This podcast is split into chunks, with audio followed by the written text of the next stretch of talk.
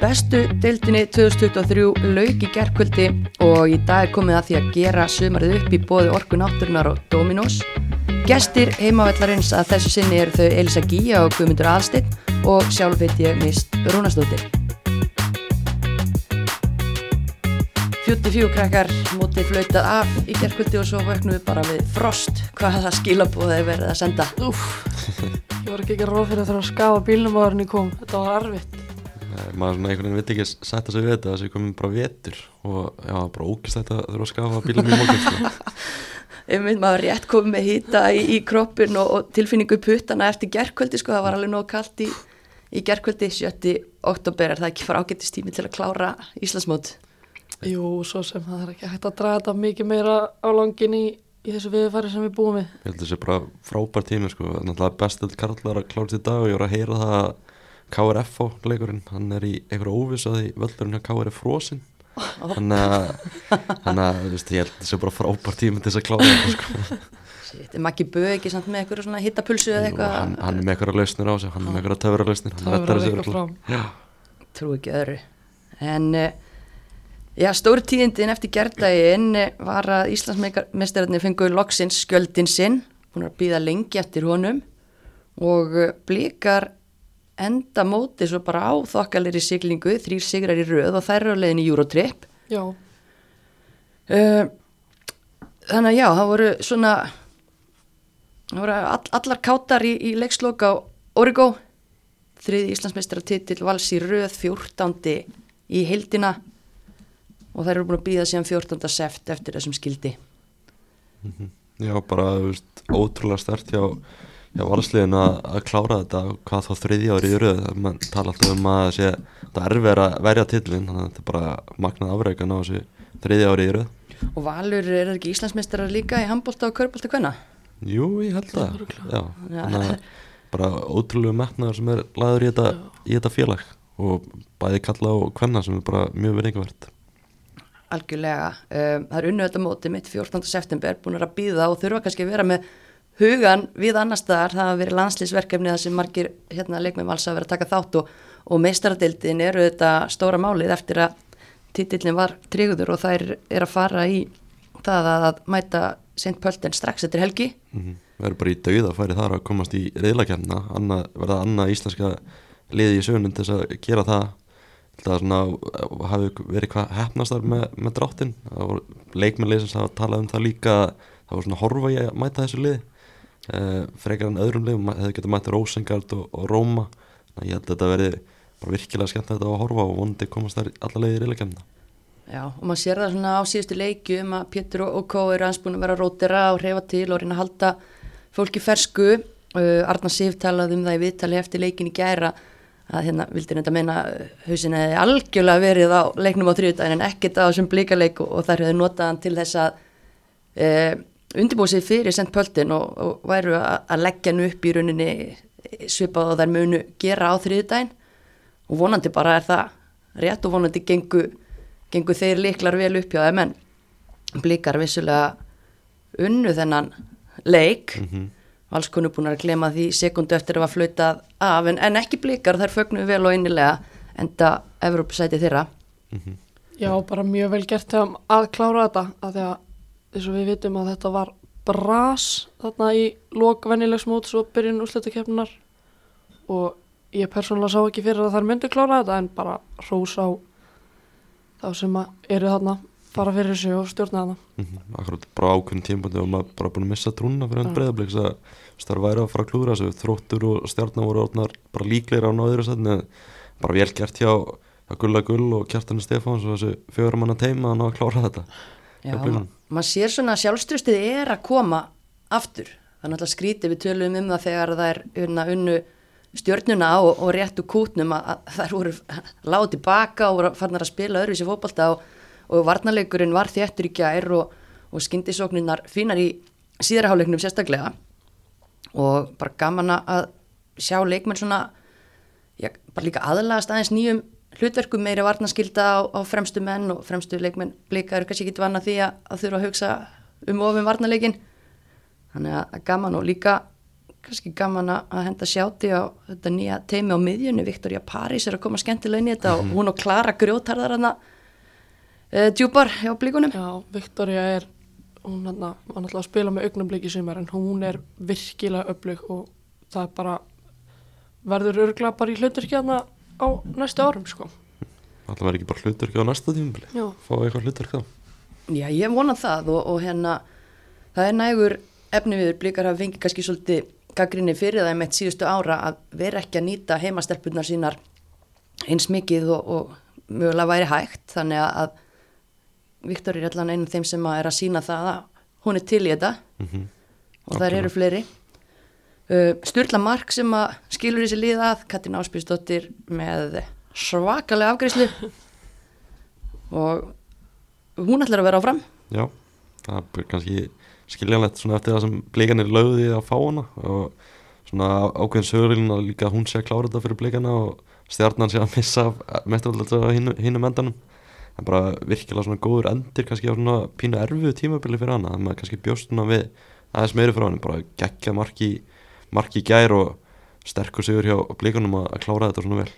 Mm og þær klára í rauninni taka annarsæti bæði dild og byggar það var náttúrulega ekki planið en, en algjörlega ásattanlegt svona úr því sem hérna, orðið var. Mm Ég samanlega því, alveg klálega og það var bara stóra spurningi hver tekur við blikarliðinu verða kjartan og, og gulli áfram í brunni eða hvað? Það maður svona hefur heyrt ímestlegt bara undan fannan dag maður þarna, hefur heyrt bara að kjartan og, og gulli verið áfram með liðið og verið svona sama teimi í kringum þetta. Maður hefur heyrt þarna Nick Chamberlain mikið orðað með blika síðast dag en hann vildi nú ekki kannast við þetta ekki að Nei, það er því þegar ég hafa pottet allavega heyrt í honum en hann verðist allavega vera áfram með, með þróttarana sem eru frábært tíðindi fyrir, fyrir þrótt. Uh, svo hefur maður heyrt Ivan Jeffs líka maður hefur heyrt að blikarnir hafi heyrt í Elisabethu Gunnarsdóttir hún gaf hann bara nei strax.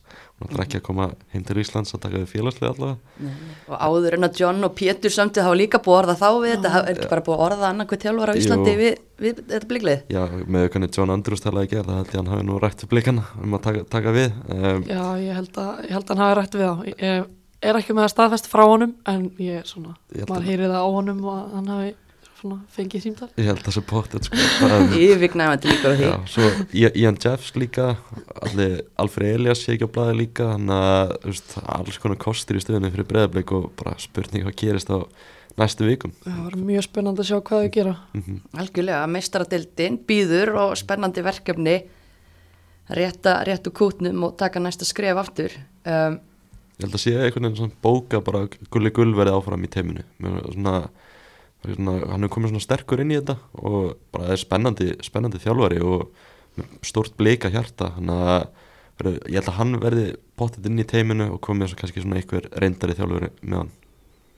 Ég held að, ég held Já. að svona ég held að það er fín hérna, kenning, maður sér allavega að Gulli er að elska þetta, hann elskar þetta bara að vera út á vellið og skiptir ekki Já. máli hvort það sé með áttundaflokki eða meistaraflokki en þetta er svo góð típa að hafa í kringu liðitt bara maður sér bara á honum hvað hann finnst þetta ógeðslega gaman. Hann kom í viðtalan eftir stjörnuleikin þegar þau loksist náða að vinna leik og hann bara gæti ekki hægt að brosa og það er ógeðslega gaman að sjá hann. Þannig að það er vonandi að hann verði þarna fram mm -hmm, Já. algjörlega. Um, fín mæting á völlin í gær eh, þrátt fyrir hérna skítakuldan það er gaman að því og, og vonandi heldur fólk áfram að, mæta vel inn næsta tímubil um, eða var skant kallt á Origo Úff. hvernig var það í Garðabænum? ég var sem betur fyrir inni og þar var held ég opnin í botn þannig að ég fekk ekki að finna fyrir því fyrir að ég fór út í viðtöl og Kristján let aldeilis býða eftir sér þannig að við stóðum hann úti og var að skulfum og býða eftir honum Úf, úf, úf. en það var logn þannig að það svona þetta slatt til en nei, þessi leikur var nú eins og hann saði réttilega viðtali þetta hefði bara átt að enda með jafntefli sko, þetta er þannig að ég held alveg öruglega að þetta sé fyrirgefandi í lokin sem leikurinn fyrir gegnum alla og er inn í markinu er ekki tilbúin eða eitthvað. En þetta var var svona súrendir á tímabilinu hjá stjörnunu en kannski skiptir ekki máli fyrst að blika runnu sinnleik Einmitt, þannig að niðurstaðan er svo að þriðja sæti er þróttar á þessu lufsu marki mér kenna á loka mínutunum og stjarnan þarf að sætta sig við fjórða sæti eftir einhvern veginn svona já, brösu að byrjun hafa komist í séns og svo aftur svona búf, mm Mhm. slegna nýra hjörna skellur Stjarnan var náttúrulega bara í byrjun úsleikefna bara líklegast til hún á öðru setni og ókíslega súrt að enda í fjórða að setja endanum sko. Já, þetta var svona þetta var svona leiðilegur endir á allavega svona góðum síðustu vikum allavega hjá þeim. Bara veist, samaskapi, bara ókíslega velgert af blikum þannig að byrja úsleikefna á fjögun og tapa múti þrótti og svo tapar Þór Káa líka. Þannig að bara gríðalega karakter að, að klára þetta hjá þeim. Já, Já, og bara búið að vera ótrúlega gaman að fylgjast með þessari baráttu um annarsæti því að það hafa verið svo miklar sviftingar í þessu. Og svona momentum að, að já, falla ólíkun liðum og ólíkun tímum. Um, en já, niðurstaðan þriðasæti þróttur, stjarnan fjórðasætið þriðleikur dagsins í gær var háður í kaplagrika F.O. Þór Káa 0-0 en markverðin er í banastuði nóg að færum skrítið hérna þetta hafi enda marka laust uh, kannski sérstaklega líflegur uppbót á tímin, sex mínútur og ég held að það verið eitthvað þrjú. Það fæli eða eitthvað.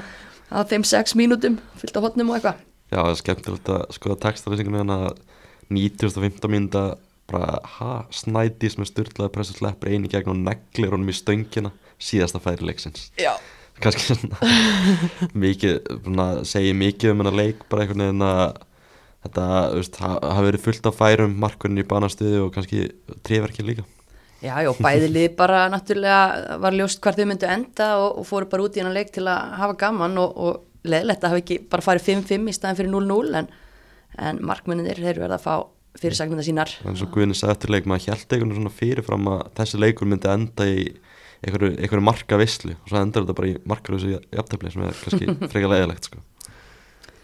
Já, já, það er svona, en, en svona jákvætt þar, það voru ungi leikmenn að fá mínútur og vonandi bara fara þær þá bara mjög hungraðar inn í veturinn og við fáum að sjá meira af þeim á næsta tíumbili og já, það er ekki bara, en hvað svona núna þegar að þessi þessari deild er loksins lokið og við erum að taka þessu úslita keppni í fyrsta skipti inn og svona, hvað finnst ykkur að hafa svona einkjent þessa deild í sumar? um, ég held að ég hann tók viðtalið Þorstein Halldórsson uh, landslýþjólar Íslands fyrir nokkur síðan og hann talaði um það svona deildin hefði ekki byrjað neitt rosalega vel og ég er, er sammálum þar það byrjaði bara frekar leiðilega margir svona lokaði leikir lítið á mörgum, ekkert mikil skemmtun en svona eftir því sem hefur liðið á þá hefur þetta orðið skemmtilega kannski kærtagun, kannski ekki gott dæmi um það að það eru tvö mörg í, í þrema leikjum en svona úslandakefnin fannst mér alveg skemmtilega að mörgu leiti, þú veist, fallbartan var æsi spennandi, þannig að alveg fram á síðasta leik og náttúrulega þessi barndum annars þetta var ógeðslega skemmtileg. Uh, svo tölum hann þessar sviftingar í, í barndum annars þetta voru bara greiðlega gaman að horfa á það og náttúrulega þróttur stjarnan breðalberg á einhverjum tíma þetta hjálp maður að öllu sér lið veist, að hvert og eitt af þessum liðum myndi ná öðru setni en veist, bara velkert að breðalberg að ná því á, á lokunum og þetta var eins og ég segi bara mjög spennandi kannski fyrir utan tilbarna hún var ekki rosalega spennandi á endan Já, sérstaklega þegar fyrir mót að tala um að þetta væri kannski loksinn sumari þar sem að það er einhver alvöru svona titilbárta en og svona framan af kannski leitapínu þannig út það voru allir að vinna einhvern veginn í kross og en svo sildu þær þær þessu áfram. Það er alveg skrítið að hugsa til þess núna en ég held að eftir 11 leikja þá var breðablika á toppnum sko. Já, það er skr mjög skrítið að Þær hugsa til voru- þess núna. toppnum bara í byrjun ágúst já, það? er rosalega þær voru held ég á toppnum í þegar byggarúslitin voru að spilu en svo fer atna, Pétur Péturs bara á fund á hlýðarenda og segir bara þið verðið að gefa mér eitthvað leikmenn og hann fær hvað fjóra eða fimm landslið bara. Græjar, græjar máli er það ekki svolítið áhyggju efni fyrir önnulegi deildin að Valur hafi bara bólmagnir í það að sækja hálft lið í landslisklassa í glugganum? Jú, hvað fer á að sagði hvað þrjár íslenskar landslískonur hvað Berglind, Amanda og Anna Björk sem eru allt frábæri leikmenn og fær hvað eina danska landslíkonu og eina í 23 landslíðinu í Danmarku það er bara algjörlega galið það getur fengið svona liðstyrk á miðumóti, það er oft talað um það sko að það er erfiðar að fá liðstyrk á, á miðumóti og bara valur getur gert þetta er bara stór galið sko.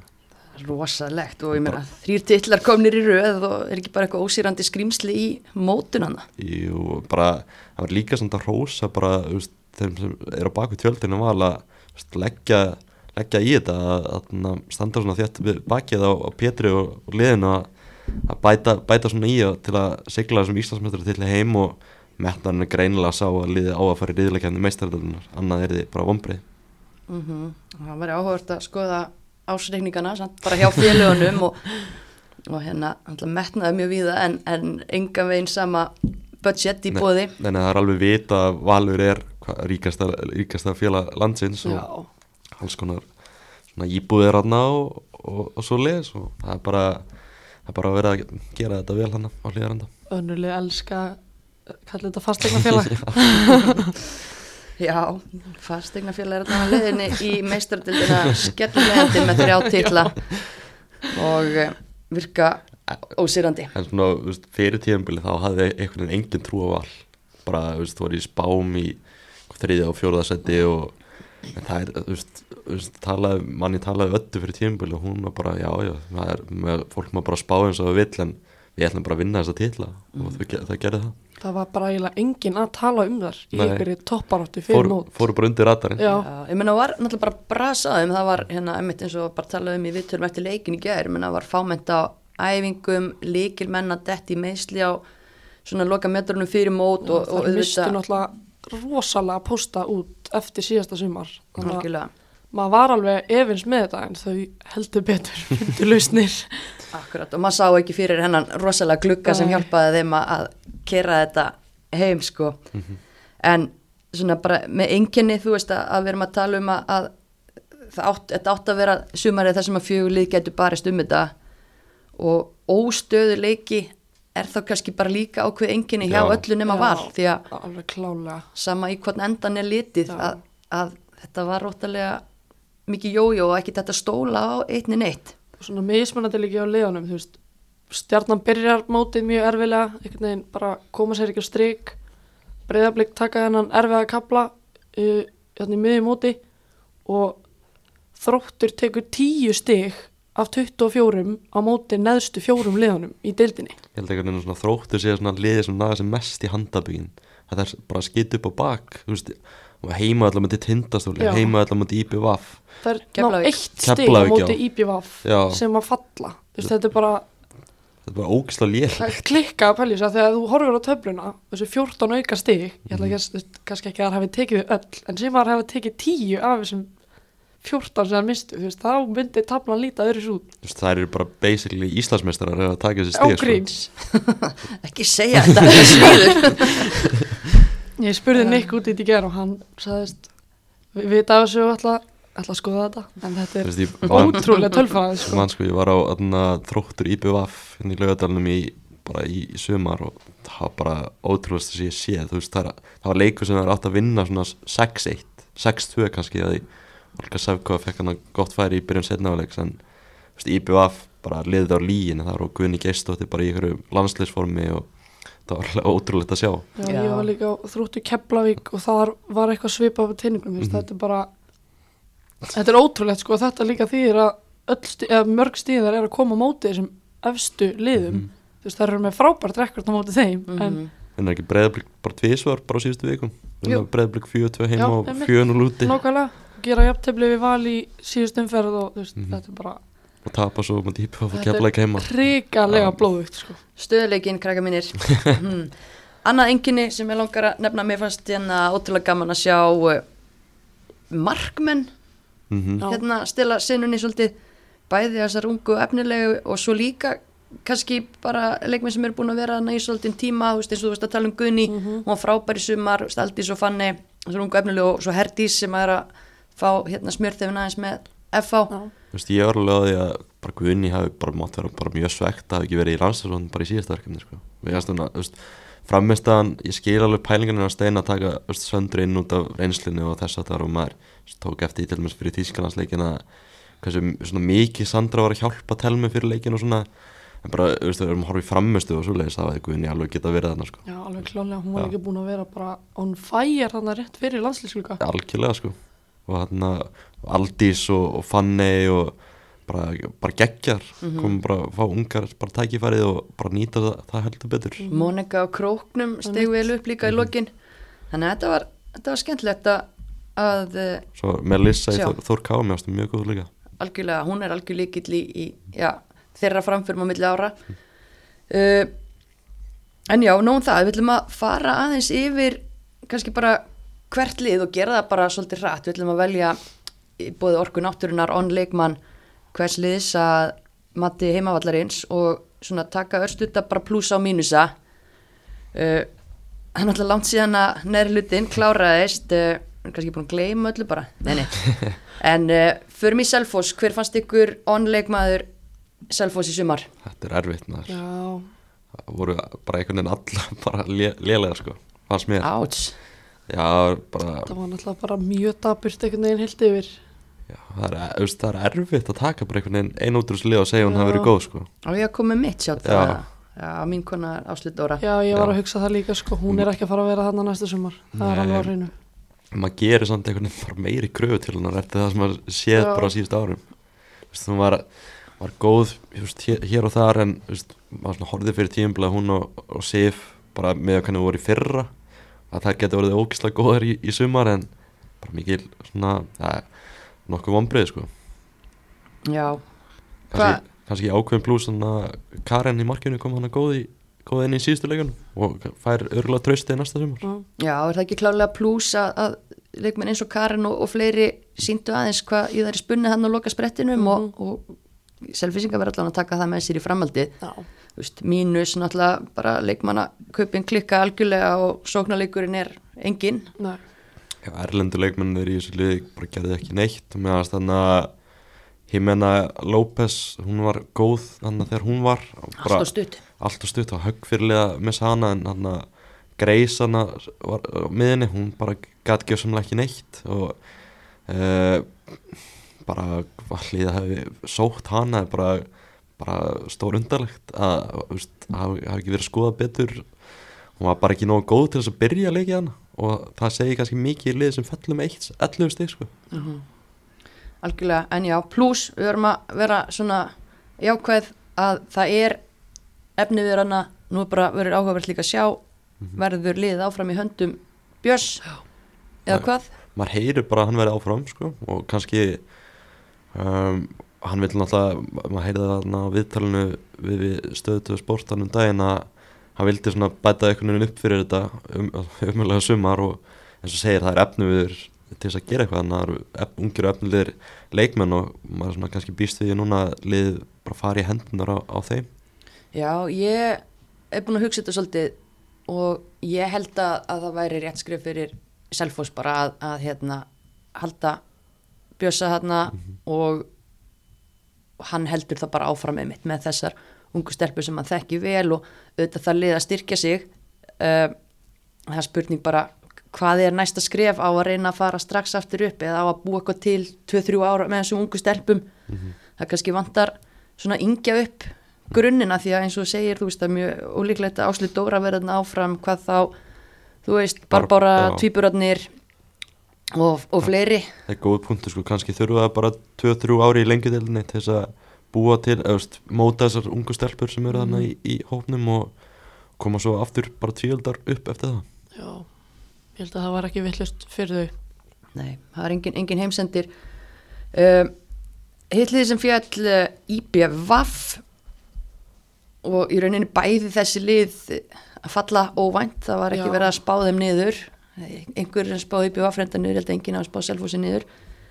En uh, þú veist, mér fannst svona engjani og mínus eiginleysins sumar vera bara, bara eitthvað stemningsleysi, það var einhvern veginn engin liðsheild sem maður fann fyrir hana Nei, ég er bara því sko. Það var pínu skrítið einhvern veginn að fylgjast með þeim og leikinir er að voru pínu það er fá val í heimsókn og tapa 7-1 og fara svo hérna í síðustu umferðinni til hérna Söðakróks Það er bara djók sko.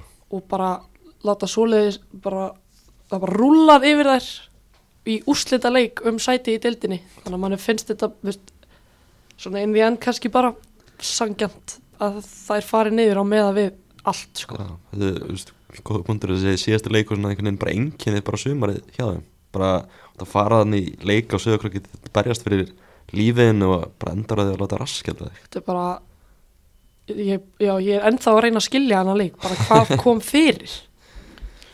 Já, þetta var, já, bara einmitt, eins og segið, þetta kannski bara sumeraði þetta upp og, og hérna og kannski annað mínus að svona erlendu viðbætunar voru bara ekkert nógu góða til þess að styrkja liðið eða íta því eitthvað hærra. Nei. og þú veist, kannski með plúsana, ég veit ekki náttúrulega þrátt fyrir allt þá er Olga Sefko á degi eina betri leikmunni deildarinnar. Það, þú veist, hún er áfram samningsmyndir sko. hún skrifaði aldrei undir samning bara í sumar til 2025 þannig að ef hún er að fara að spila í lengjadöfni bara guð blessi leikmenn. Gríns. Já, en þá er það svona spurning að því við erum að tala um svona ákveðin kjarna og annað e, við erum að tala um ungu leikmunna sem að voru að spreita sér á selfossi, ég held að hafa verið ykkur sjö stelpur, heimastelpur þar. Mm. heimastelpurnar í IBVF er ekkit búin að fá ykkur mínútur og ég veit ekki hvað þær eru margar, það gekk illa hjá þeim í öðrum flokki og, og svona eins og rættum minnum daginn. Já, er, þú veist bara hvað gerist í eigum, ég held að sé bara ógeðslega erfitt og krefjandi verkefni þar framundan. Já, það er náttúrulega búið að tala um þetta svolítið síðustu daga, bara hvað er að frétta í eiginni, þetta er ekki bara þarna megin, þú veist, kallarnir eru í bara mikill hættu á að falla bara á eftir, þannig að og bara hvað er að frétta með, þú veist, úlinga á barnastarfi þarna og eitthvað, þannig að, og eins og þú segir, annarflokkurinn spilaði ekki alla leikina sína í sumar og voru bara, þú veist, þar mættu í Samirinn að spila Viking bara 11 Já, og Tótor, þannig að þú veist, það var engin varamæður eða neitt, þannig að þetta er svona pínu alveg klálega áhugjefni ég, ég ætla bara rétt að vona að verði áfram haldið almennilega utanum þetta þó að séu fallnar út, út, út, út úr bestu dölni um, kannski, veist, það er alveg erfitt að halda utanum fótballtalið í, í, Vestmanni en veist, það er bara að gera þetta almennilega áfram. Já, um að velta líka fyrir sér sko, um eitt núna næsta ári þetta, þetta eigalið hefur alltaf verið með sterka erlenda leikmenn sem er að taka þó nokkur plási í þessu liði sem er bara eðlilegt. Já. um, er budget til þess í, í lengju deild og þú veist, hvað verða margar stelpur eftir, alveg svo við erum að tala um að einhver að fara frá selfossi, þá má alveg ímynda sér það að, að Guðni og Olga þó hún sé samningsbundin á fleiri það eru í bestölin að fara að sambandi í. Sefko sko. Og, og hver verður þá kjarnin eftir? Mm. við höfum ekki séð hennan kjarnar við höfum séð, jú, nöfn á bekknum en við höfum ekki séð þar fámarga mínútur. Við vitum ekki hversu tilbúnar þar eru. Þú veist, erum við að fara að sjá aftur eitthvað káirdæmi Já, það er erfitt að svona segja ángríns, Ég maður bara- vill ekki hugsa út í það. ég vona bara svo ógeðslega mikið að verða ekki þannig sko, en það er, verður erfiðara fyrir IBF einhvern veginn að byggja á ungu, það verður miklu miklu erfiðara fyrir IBF að byggja á ungum íslensku leikmennum en það verður fyrir Selfoss þannig að þær var einhvern veginn að styrka sig ef það á ekki að enda í einhverju, rugli sko. en ef það er ná að halda í Olgu Sefko ná að sannfara einhvern veginn um að vera áfram í Vestmannum í lengjadelinni það er bara eins og ég segi sko, bara Guð blessi leikmenn lengjadelinna sko. að hún er allt og allt og allt og góð til að spila í lengjadelinni sko. Þú veist, náttúrulega bara svindlkall Já. hún spilaði lengjadildin á næsta ári maður er bara einhvern veginn svona hugsa um að liða eins og breyðablík og valur getur bara, hún getur orðið bara ansi góður leikmaður í þessum liðum sko. algjörlega erum við ekki með hana á lista sem on-leikmann í BVF bara 100% Jú, sko. klálega það er bara svo leiðis um, Keflavík það eru góðar að hangi dildinni en þú veist, hvert er næsta skref og hvenar og hvernig fyrir að fá meira frá Keflavíkliðinu, þær get ekki verið sáttar við að vera bara endalust alltaf áttundarsæti Nei, það er fínt að vera með svartafesti að halda sér uppi svona fyrst en svo þarf eitthvað veit að gera það gildandi í deildinni þannig að það verður spennandi að sjá hvað er að gera á næsta ári hvort að það breytist eitthvað. Mm allir, allir svona glenn sé ekki bara ennþá hlægandi samt. Það alltaf reikin frá IBF og það er að vinna þér hann í næstíðstumfinn og heldur keflaug uppi og IBF fellur einhvern veginn Ég sé samt ekki fyrir mér að hans er típan sem er eitthvað að hlæja ófærum annara ég held að, en ég held að hann sé bara stoltur af, af sínu og hann má alveg vera það eh, til að samt að setja smá mínus á keflaugliðið að, að mér fannst það ekki sína þær framfærar á milli ára sem að maður hefði svona bundi vendinga við. Mhm. en þú veist, þetta er náttúrulega bara þetta er svona erfitt sumar hjá keflaug þó að ná að halda sér uppi og bara mjög stert þegar mann að ná að halda sér uppi á endanum. Að náttúrulega missa hann að linni í tú í glugganum sem var búin að vera þeirra besti maður, besti leikmaður og það er erfitt en það er bara sína karakter að halda sér uppi. En eins og segir það verður einhvern veginn eitthvað, eitthvað tíman að verða meira en þetta. Þetta er búið að vera svolítið lengi svona. Mhm. og ég meina bara að því að að fara frá því að vera hann annarsættis lið og soga svona alltaf hægt og rólega. Og eru búin að vera svona að daðra við botbaratuna síðustu ár og það enda náttúrulega bara einhvern veginn með ósköpum eða ekki stíga á bensinkjöna eða með ósköpum, er svo sem ekki heimsendir að fallum dild en það er ekki planið. Það er ekkert langt síðan eins og segir IBF og bara í topparatu og var byggamestari og bara að gleða þarna. Þannig að að Keflavík hefur einhvern veginn bara verið langt frá því að blanda sér í einhvern veginn í baratu í efri hlutunum og bara gera, gera eitthvað svona áhuga hluti ef svo má segja mm. hver er plús á keflaug liðið? mm, Mér þarna bara mikilvæg nótt góði vörðin til dæmis uh, svo veist, ungur, ungi leikmenn svona að komu upp líka uh, Anna Almar, Almarós, mjög spennandi leikmaður Mm. svo finnst mér hann að dröfn einastóttir alltaf bara góð fyrir það sko. Já, mér finnst svona gaman að heimastelpunar síndu mikið hjarta og gáðu mikið í þetta verkefni og, og ég sammála með ungu leikmennu hvort sem það eru heimastelpur eða lánsmenn þær voru að gera vel og, og hérna lofa góðu. Mikilvæg nótt lítur og bara vera tilbúið núna til þess að taka skrefið upp og vera með breðbliki næsta sumar, vera bara byrjulismæði þar. Bara, koma inn fyrir tóni Já og þarna það, veist, ég held að hún sé, sé tilbúin í, í það skref sko. En hver var onnleik maður kefla ykkur?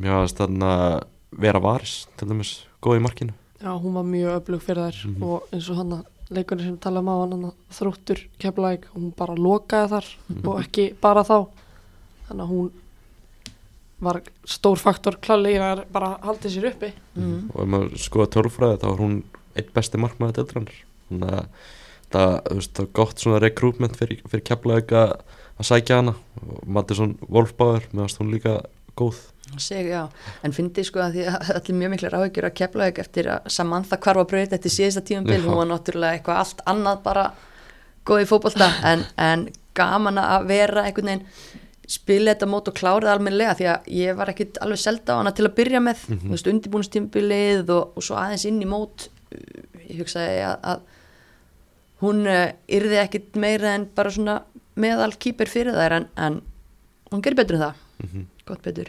Nei, þú veist, tölum áðan kannski mjög að það vanta þessi einhvern svona stemningun og liðseldin og, og leiðis en það, mér varst það að vera til staðar í, í keflaugulinu mér varst það svona liðseldin vera, vera sterk og það kannski svona skilaði mig yfir línuna að lókum Já, spurning hvort að kjarni af svona uppöldum skilir sér þar sko. Mm það skipti máli að hafa, hafa hjarta í verkefnið. Mm. Uh, talandi um hjarta í verkefnið og kjarna förum á krókin uh, þar er uh, aldrei skóður og mikill kjarni heima kvenna og magnað afrek hjá nýlegunum að halda sér í deildinni og, og bara þeirra uppbygging síðustu ár hefur verið mjög stöðug og þar eru að bara þroskast mjög mikið sem lið og bara félagið. Og markmið á næsta lít bara vera að festa sig enn frekar í sessi. -hmm, það er klárt og uh, þú veist Muriel Tyrnan, hvað ætlar hún að Já. gera hún er líkill í því að mínu mati að, að liðið haldi áfram í þessari vekkferð því hún er búin að taka þátt í henn allan tíman og, og vera í líkil hlutverki Já, með, þú veist, með Múriel maður byrjaði svona kannski svolítið hægt en svo sá maður bara þegar leið á tíðanbileik hvað hún getur gert flotta hluti í bestöldinni Já. pluss á uh, tindastól bara, þú veist, hvað, mér finnst bara þetta afrek, bara þetta er ógeðslega merkilegt, þú veist, Söðakrókur er bara lítið bæjarfélag og þarna, þetta getur verið svona stór íþróttabær er bara ógeðslega merkilegt afrek og mér finnst það bara ógeðslega flott að þetta lið hafi náða að halda sér í, í deildinni. með Já. þetta margar heimastelpur í Já. stórum hlutverkum Algjörlega, það er, þar er alvöru kjarni það gerir þetta ennþá betra, sko. og það er líkillin að næstu skrefum Já. að hafa þennan kjarna Mhm. uh, mínus Mm, það sé erfitt að segja eftir svona, eftir svona gott, gott sumar, sko. Coldplay tónleikarnir Coldplay tónleikar, nei.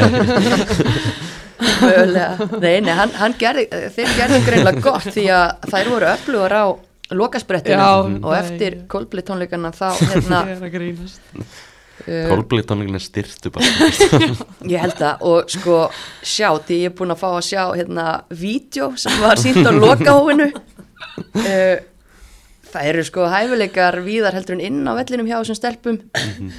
Geggjað lokavídeó það sem að Coldplay tónleikarnir koma mögulega við sögu. Já. og það er bara sungið og það er texti og, og þú veist, ég hveti ykkur stelpur í tindastól til þess að hendi sér bara á YouTube og lefa okkur öllum að sjá. Þetta er geggja, þið eru snillingar. Já, bara, þú veist, líka bara síðasta leikur á tindastóli, samanskapu hvað IBA fóru svona ógislega lélar og ekki gýra sig upp í þann leik að tindastól skori sjö mörg þú veist, kannski ekkert búin að vera einhvern veginn skemmtilegast að liða að horfa á í, í, í sumar en hann skori sjö mörg í lokaleiknum bara algjörlega geggja sko Já, algjörlega og veist, bara vonandi fyrir þær náður að halda í Muriel Tyrnan og hún náði bara einhvern veginn svona að halda sig gangandi frá því hvernig hún endaði þetta tíðanbill mm -hmm. skorat mm. fjögumörk í ústakefni og var bara geggjuð og bara einn besti leikmaði eldrinnar svona síðustu viku mótsins algjörlega, Donni ætlar að vera áfram að sigla þessari skútu, það er líka mikilvægt. Já, það er mjög jákvæmt fyrir þér af því að hann er greinilega bara að gera bara geggja starf. Mm -hmm. það er alltaf þjálfari sem hefur orðið Íslandsmestari og Já, veit hvernig er að vinna titla og það er bara, bara greiðlega jókat fyrir tindastóla að halda honum. Mm -hmm. Onnleikmaður tindastóls í sumar. Muriel já Tyrnan það er erfitt að segja eitthvað annað en mjög hér hún er rosalega gaman að sjá hann einmitt, að því við fengum ekki að njóta hennar alveg 100% hann í hitti fyrra Mhm. að hún síndi okkur heldur betur hvað ég hann er spunni í ár Mhm.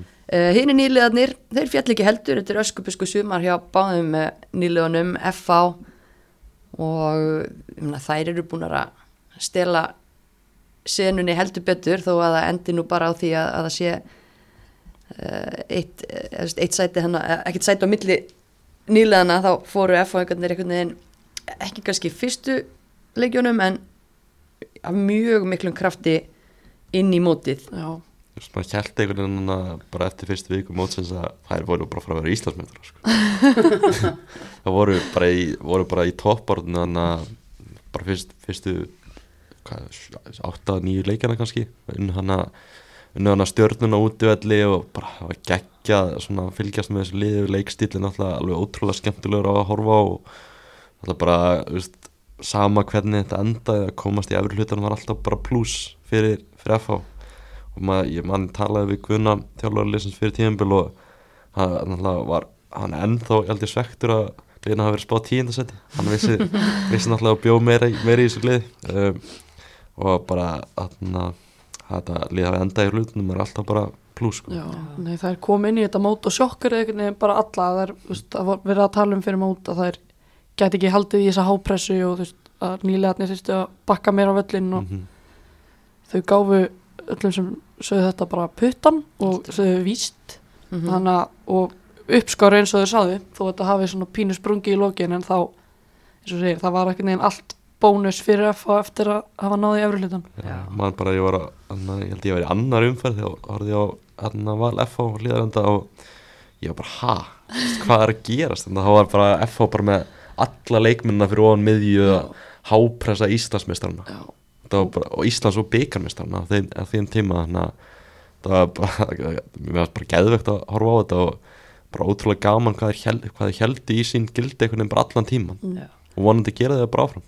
Einmitt. En svo er það náttúrulega, þetta er svolítið áhugavert að því að það kyrt mikið á lánsmunum Mhm. sem að var sko bara reysa hrósa það að hvað náða að drilla þær hratt og vel inn í planið en það er samt mínus að þær þurfa einhvern veginn stærri kjarna af heimastelpum bara svo að því að það er svo riski að vera með lánsmenn. Þær þurft að vera gera breytingar. Og mátt ekki spila þessum töma móti stjörnun, ekki þessum töma móti blíkonum og ekki þessum töma móti valskilur Já. þú ert að vera rugga við þessu. Mannum hittum á valum daginn og voru það bara án Örnu og, Lilli og þú eru einhvern veginn að fá nýja miðverðinn og það er, svona, tva- það er tvær, tvær stöður á vellum sem þú vilt alls ekki vera einhvern veginn hrópla við sko. og hvað það báðar í einu báðar í einu En sko, það er ótrúlegt hvað þau unnu vel úr þessu, en Já. þetta er ekki hérna, er kjör svo- aðstæður. þetta er ekki svona sustainable að, þetta er ekki eitthvað, sem þú vilt halda áfram með og líka svona vilt vera með kjarnar sem svona á milli ára þannig að það er spurning þetta viljaðu öruglega halda í einhverja af þeim og það hefur alveg heyrst að þau ætla að reyna að gera það en svo verður bara komið ljós hvað hvað þau ná að gera en þarna er nægur efni viður í yngri flokkum. Það er ekki Íslands og byggmestrar í þriðaflokki Jú, og, það eru bara asnalega góðar í þriðaflokki og þannig að þau þurfa allavega ekki að hafa ágjör af því að það sé ekki nóma leikmennum að koma upp en það verður kannski ekki alveg strax. Ég veit ekki hvernig annar flokkurinn er. Nei. En eins og sé, já, það er gríðarlega mikið af, af efni við spáði, uh, spáði það er með aðlandsleskonu á láni Arna, Arna Eiríksdóttir er búin að vera geggið sumar og búin að þróast í aðlandsleskonu bara hjá FH sem bara frábært fyrir val að fá leikmann í aðlandsliðin tilbaka. En það er því, ótrúlegt ef FH næra að halda í hann ég held að Valur hljóta að geta nota hann annars tímpli en samanskapið þá hlýtur Lilja vilja kannski koma yfir í Gabrækika ég held að það sé kannski kannski minna pláss fyrir hana í, í val akkurat núna. Já, maður heyrir allavega hana svona sterkari orðrum um það að hún verði bara áfram í kaplakrika. En ég held að sé mikilvægt mitt fyrir FH að, að negla fleiri niður á, á fasta samninga, ekki bara lánsamninga og tak, taka þannig næsta skref. Uh, við fengum að sjá nokkrar ungar og efnilegar fá mínútur hérna undir lokin og, og þær fá bara fleiri mínútur hún til næsta sumar. En hver var onleik maður FH? Ég er ekki að seina Jú, Sheina, Mackenzie svona framan af en það er svona dró pínu af henni. Við keldum hann heldur betur niður. Já, bara já, já. You maður can't handle the heat maður Get hefur ekki kitchen. bara nafnið hennar síðan Nei, í júli eða eitthvað. En Sheina svona heilt yfir Já. klálega onleikmaður algjörlega FH. frábær. Og leiðtói hana Já. leiðtói á missaðinu og bara geðvik grjóthörð. Já, frá, þú veist, frábær svona tæknilega séð og líka svona samaskapi ógeðslega dugleg bara í öllum hlaupum og, og svona frábær leikmaður mm Akureyri uh, Þór Káa það er enda í fymta sætinu mm, mínus á þær það er alltaf bara ógislega óefna bara með meðsli og, og fjárveru líkilmann á mikilvægum svona momentum Mm. mm. Vist, kannski ósum geta hendi ykkur mínus það er ekki alveg í þeirra höndum kannski en, en það svona kannski trublaði þar aðeins, ég veit það ekki. Þú veist, maður eins og kannski með F og maður svona ákveðin tímpoti var maður bara að horfi í það að þær verið að fara í barðum efstu tvö sætin. En eins og segir svona meðsli líkilmanna höfðu mikil áhrif á það. Sandra Maria dettur hann út í tvo mánuði út af meðslum og, og svona þannig að það var örugglega erfitt fyrir þær að handla það sko. En plúsin sko gríðaleg framför í varnarleik á milli ára og bara svona leikskiplæðið og þessar ungu stelpur sem eru þarna í kringum reynsluboltan, Söndur Marju og Tanna að þær er allar búin að stíga að reysa framfarskirjaf Þú veist, þessar ungu stelpur eru bara búin að fá bara heilmikla reynslu í meistarlóki bara síðustu árin og þetta er bara orðinni þroskaða leikmenn.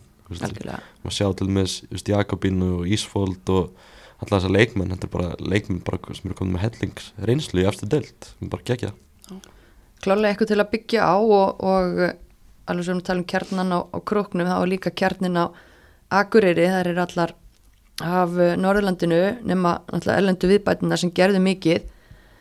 Um, stóra spurningin er hvað er Sandra Maria Jessen að fara að gera? Veist, þarf hún ekki að taka hérna eh, aðra tilraun á, á mennskuna? Jú, maður er svona vona það eiginlega að hún kannski aðgræninga pyrra að segja þetta að vona bara veist, fyrir landslið og svona hún bara orðin byrjunleis með þar að fari bara í aðdunumennskuna aftur og fari kannski í þýskúrústöldina maður heirt að þessu fjölu í þýskúrústöldina horfa til hennar alltaf á mann frá Þýskalandi og, og maður svona tengingar þar þannig að maður sér það alveg fyrir sér. Hún er líka bara það góð að hún á að finnst mann að láta reyna á þetta aftur og sjá hvað verður úr því. Þannig að en hún er heldur betur að fara að fá símtöl á næstu dögum sko. hún Ó, bara þarf að setja á airplane móti og hún vil það frið held ég.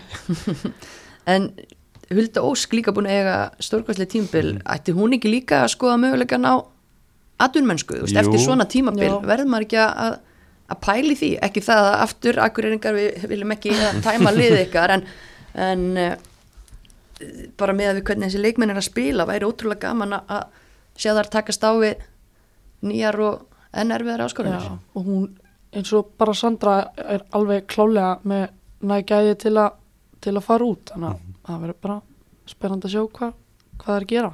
Hennar svona besta tímabili á ferðunum held ég alveg, alveg klálega en það maður skapi ógæslega gaman svona að fylgjast með alltaf framan af svona samvinnu Söndrumarju og Huldu Óskana í liðinu og stundismenn þó ská vilja halda áfram að sjá það. Já, Þetta, þá- og við viljum það alveg líka Já. ekki já, það já, já. En, en þú veist, ég er líka með svona einhverja lúmska tilfinningu að Sandra Mæra geti verið áfram sko. Þú veist, með svona með svona sterka tengingu við þetta þó ská lið. Er og kannski erfitt fyrir hann að líka bara yfirgefa þetta. Já, ég held að þurfa að koma eitthvað geggjað á borðið Já. svo hún fari. Mm, og ég eru spennandi tímar og, og væntalega óbreytt uh, þjálfarateimi og, og svona og, og allur þessi efni viður ég meina hvað- það gæti alveg verið gr gríðarlega spennandi hérna, Þú veist, maður er svona horfið að það þú veist, geti byggt áfram á þessu og þetta geti orðið eitthvað svona eins og hvað liðið 2014 hana sem var Íslandsmeistari. 12 Ja, 2012, já, þannig á þeim, þeim tíma. Þannig að sem var mikið 13, já, ég meina. 2012 sem var mikið svona byggt upp á heimakonum og virkilega upp um leikmennum og þessi leikmenn sem eru núna geta einhvern veginn þróast í, í þessa leikmenn svona, þessa gæða leikmenn með sama þjálfara? Með sama þjálfara nefnilega sko. mm. en ég heyrði lið, liðum daginn menn ég var út í Þísklandi með Söndrumarí ok, Red Bull Leipzig. Það heitir endur ekki Red Bull Leipzig eða Rasen Ballsport Leipzig RB Leipzig. Ok. Sem er svona byggja upp liði í kvennabóltanum er komður upp í Þísku úrstölduna það eru vist að horfa til Söndrumarí það væri geggja múf Leipzig. það er skemmtilegt sko. já, já, en það, veist, það segir mér bara það eru liði í Þísku úrstölduna sem vilja fá hana sko. þannig að og svo náttúrulega valur breyðarblik og, og stjarnan held ég að 100% reyna að fá hana sko. að hún er að verða samnislaus og Þór Káa aðtast í henn á hverjum skrifa undir sko. ó já þetta verður eitt af þessu áhugaverða sem Já. verður að fylgja eftir núna í, í haust þetta er svona einhvern veginn stærsta saga vetrarins hvað gerist með Söndrumari Já Herði, stjórnukonur við hefum var spáð Íslandsmeistaratitlinum hér á heimavællinum en gekk illa að skora mörg mínus á, á eh, markaskorun í Garðabæ langt fram eftir móti. Já, uh, allt og lengi í gang. Reyndar byggu til hérna keppni úr þessu með því að hrökku í gang. Mm, en fjórðasætið starrend þar bara endanum bara vombriða tíðanbíl eftir, eftir aðna bara maður hor- horfir í undanbúrstíðanbílið lengjubikarin, urðu lengjubikameistrar urðu meistara meistrana bara litu ótrúlega solid út og einhvern veginn allir höfðu trúið að það getur orðið Íslandsmeistarar. Eh, en þess að segir það var bara einhvern veginn erfitt að horfa á þær í byrjun tíðanbílis að það gátu eða ekkert skora mörg Nei, þetta var hægt og þungt og einhvern það var veginn alveg það var alltaf svona já, og svo, nei, ok. Og svo alltaf, já, nei. Þetta var alltaf, maður var alltaf einhvern veginn svona svona framan af, en svo rökkit í gang. Mhm. en það var bara aðeins og seint. Já, Já, algjörlega. Uh, mínu sem eitt bara eins og er komið lengi í gang, fyrst og fremst kannski. En, en pluss, ég menna, voru mjög sterkar varnarlega uh, heilt yfir í sumar og góðar gegn liðunum í efrilutunum mm. ekkit vandamál að mæta þeim kannski og, og vera að halda þessu í öfnum leikjum og, og svona. Mhm. mm, en svona eftir síðasta tímabil þá, já, þetta það var ekki eins skemmtilegt það er ætlað að vera Íslandsmeistara sko. það er alveg 100%, 100% þannig að þetta er ógeðslega svekkjandi niðurstað hvernig svona þetta tíðinbíl fór þeim já, það voru bara einhvern veginn alltaf frá fyrstu mínútu sem að er alltaf ógíslega erfitt mm Já. haldið að Kristján verði áfram? ég held það sko. já, mér er svona, heyrðist á honum í gær hann þurfti eitthvað svona, þurfti eitthvað smáadri að vita meira en hann svona talaði eins og honum lífi bara vel í garðamænum mm. þetta fyndi því fyrir mánuði þú veist það var slúður um að bara náttúrulega allir þjálfarar Já. bæði í lengjudeld og efstudeld væri að hætta og nú er eiginlega bara komið ljósa það er engin að engin þjálfari engin að kaffat hætta en þú veist það er gott að gott að hérna, eitthvað, fólk er að búa til hérna, Já, sögur og það auðvitað er alltaf eitthvað, eitthvað til í einhver, einhver sérst á einhverjum fundum eða eitthvað, eitthvað heyrist einhver staðar ha? Já, ég, maður heyr bara að stjarnan alltaf bæta í, bara blása til sóknar á næst tíðinbíli og að gera ennþá betur og styrkja svona utanumhaldi og svoleiðis kaupa kannski sender. Kaupa kannski sender. Kannski. Og maður heyrir að printist þarna nýjastóttir sé óskalistanum í Garðabænum úr, úr val. Þannig að það eru ykkur að sögu svona í gangi og, það er, og stjarnan vil auðvitað líka fá söndrum Mari Jessen úr, úr þá káa þannig að veist, ég, held að, ég hef líka heyrt að ég ætla að bæta við, við þjálfara í teimið sitt og vera með svona sérstakann varnaþjálfara og sérstakann sóknaþjálfara þannig að veist, það eru svona skemmtilega sögur í gangi í Garðabænum fyrir næst tímil Já, og þau hljóta ætla að gera allega titlinum Mhm. eftir þetta tímabil. komið svona einhvern veginn bara tíma og það komið titill í Garðabæðin annað en svona lengjubíkarinn og meistarameistarann Já, allan já Hvað gerir, já Ég, ég býð spennt, ég býð spennt En hver var ánleikmaður stjórnunar? Eh, Sædís. Sædís, já Guldur Issa líka veist, mjög góð oft mjög góð. Um, kemur alltaf ótrúlega reynslu og mikil gæðin í þetta stjórnuleg en Sædís bara sprakk algjörlega út í sumar. Ég er bara alltaf setja alltaf lið umfyrirna saman eftir hverjum fyrir ég aldrei séð svona. Þannig að verið 11 sinnum með eitthvað í lið umfyrirnar Já, bara geðveik sko. algjörlega frábær. Svo líka sjátt á Andrimis sem að poppa upp þegar þær þurftu á henni að halda. já, Hún og, skoraði, og frábær sendinlutan sko. já, hún var að, að mæta með mikilvæg mörk hann í loka leikjunum. það saman með Andru, ég held að hún hafi verið fjóru sem í röð eða eitthvað í lið umfyrirnar geðveik sko. Algjörlega, það er að fatta að þetta spila henni bara upp á topp. Það er, já, áhugavert og margt svona skemmtilegt og, kannski er hún strækar að segja vanda ég veit það ekki allavega var, var það þessum loka spretti um, en eftir hennar sigur eh, þróttar í gæra á Samsung þá klifra þær upp fyrir stjórninu og enda í þriðja sæti. Um, eins og var svo sem fullrætt hérna áðan þá félast vonbyrðið náttúrulega í töpum stigum á Já. móti liðum í lagari hlutanum. Það er mínu sinna þrótt í sumar, það bara lítur að vera. já, bara ná ekki að loka þessum leikjum. Get ekki nýtt þessi, öll þessi færi sem þið fengu í þessum leikum það er bara, það er mikill mínus Já. Það var líka svo lítið sem vantaði upp á. Mhm. Þetta var svo bara, þetta var bara hestlu munur. Það var ekki eins og þær væri bara glataðar í þessum leikjum. Þær komu boltanum bara ekki í netið. Nei, kom hún bara ekki yfir línna Nei. þannig að eins og við talaðum á hann þessi IBF leikur þetta er bara færi á línu og setja boltan framhjá Þú veist, það, það er einhvern veginn bara svona saga suma sem sjá þrótti þessir leikir á móti tindastölu IBF Keflavík þannig að ekki að klára þá að svíða en hva, hver er plús eh, í lögadalinn að eitthvað mati?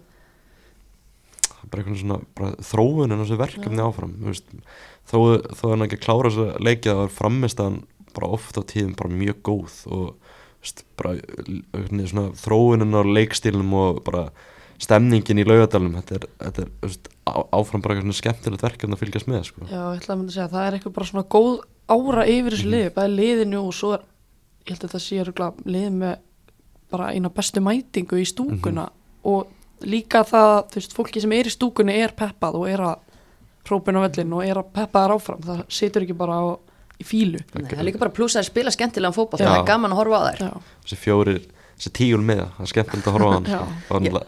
það er líka fólki í stúkunni það er grínarar í stúkunni Já. gaman að veist, vera á leikjum hann og mann hann að alltaf að tala með hann í bjáfleika Gunni Helga og þarna, Ási og Dóri Gilva og þessi gæjar hann voru í stúkunni og Guðri náttúrulega var að verja eins og ég veit ekki hvað og þannig að til lokinu voru eitthvað hana hætti þessu, hætti þessu. Það er mjög ógist að fyndi sko. Nei, þeir litu, þeir litu vel í sér heyra í gæra allavega, ég var að pæli að fara til Gunna og segja hann um að horfa á hliðalínuna og hlusta á sjálfa sig. Það var ekki alveg að taka, taka þetta fyrirmyndara sem hann var sjálfur að segja en það var samt gaman að heyra þau þarna í stúkunni Já, þetta, þetta eru bara bestu stuðnismenn deildarinnar sko. Já, það hlýtur að vera. 100% og stuðnismenn fleiri liðan mætti taka þetta til fyrirmyndar að stiðja svona vel upp bakið á sínu lið Já, en þú talar um gummi að þú veist sem plús að bara vegferðin einhvern veginn sem liðið búir á en nú er náttúrulega mikill orðrómur um hvort að Nick Chamberlain verði áfram svo er, þú veist, verið að tala um að Katla fari mögulega út, mm. menna getur þróttur haldið leikmann eins og Katie Cousins? Veist, það, það eru fullt af stórum breytum Mhm. sem munu hafa mjög mikil áhrif á hvernig áframhaldandi uppbyggingu verður háttað, þú veist, auðvitað verður alltaf áframhaldandi uppbygging sama hver verða þarna áfram en það með ekki vera ómikla mannabreitingar að mínum mati Nei, ef að það ekki að fara að taka eitthvað skrif aftur og bak. Ég er sammála því og ég vona bara, ég held að sé leikilatrið eins og segir að halda Katie Cousins. Hún var bara geggjuð sumar og það er ótrúld að fylgjast með henni. Hún er held ég lágvaksnasti leikmaður deildar hún er að vinna flest skallegin við það segir svona svolítið mikið um hvernig leikmaður hún er. Hún er ógeðslega aggressív og ógeðslega góð á boltanum.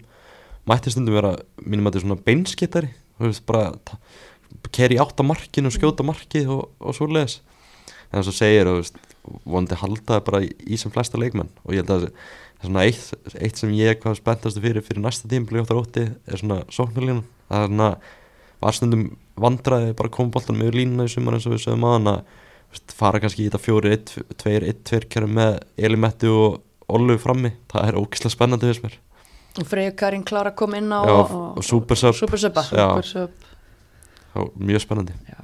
Ég, ég ég segi sami leikmannahópur mm og sama þjálfartími og þá er ég bara ógeðslega spennt fyrir og geta að vera Íslandsmeistar á næst tímpli það er bara þannig. Móti fastingnafélaginu Já, já, bara bæta, bæta aðeins í og er- halda sa, veist, sama hópi. Ég veit ekki hvort það ná að halda köllu.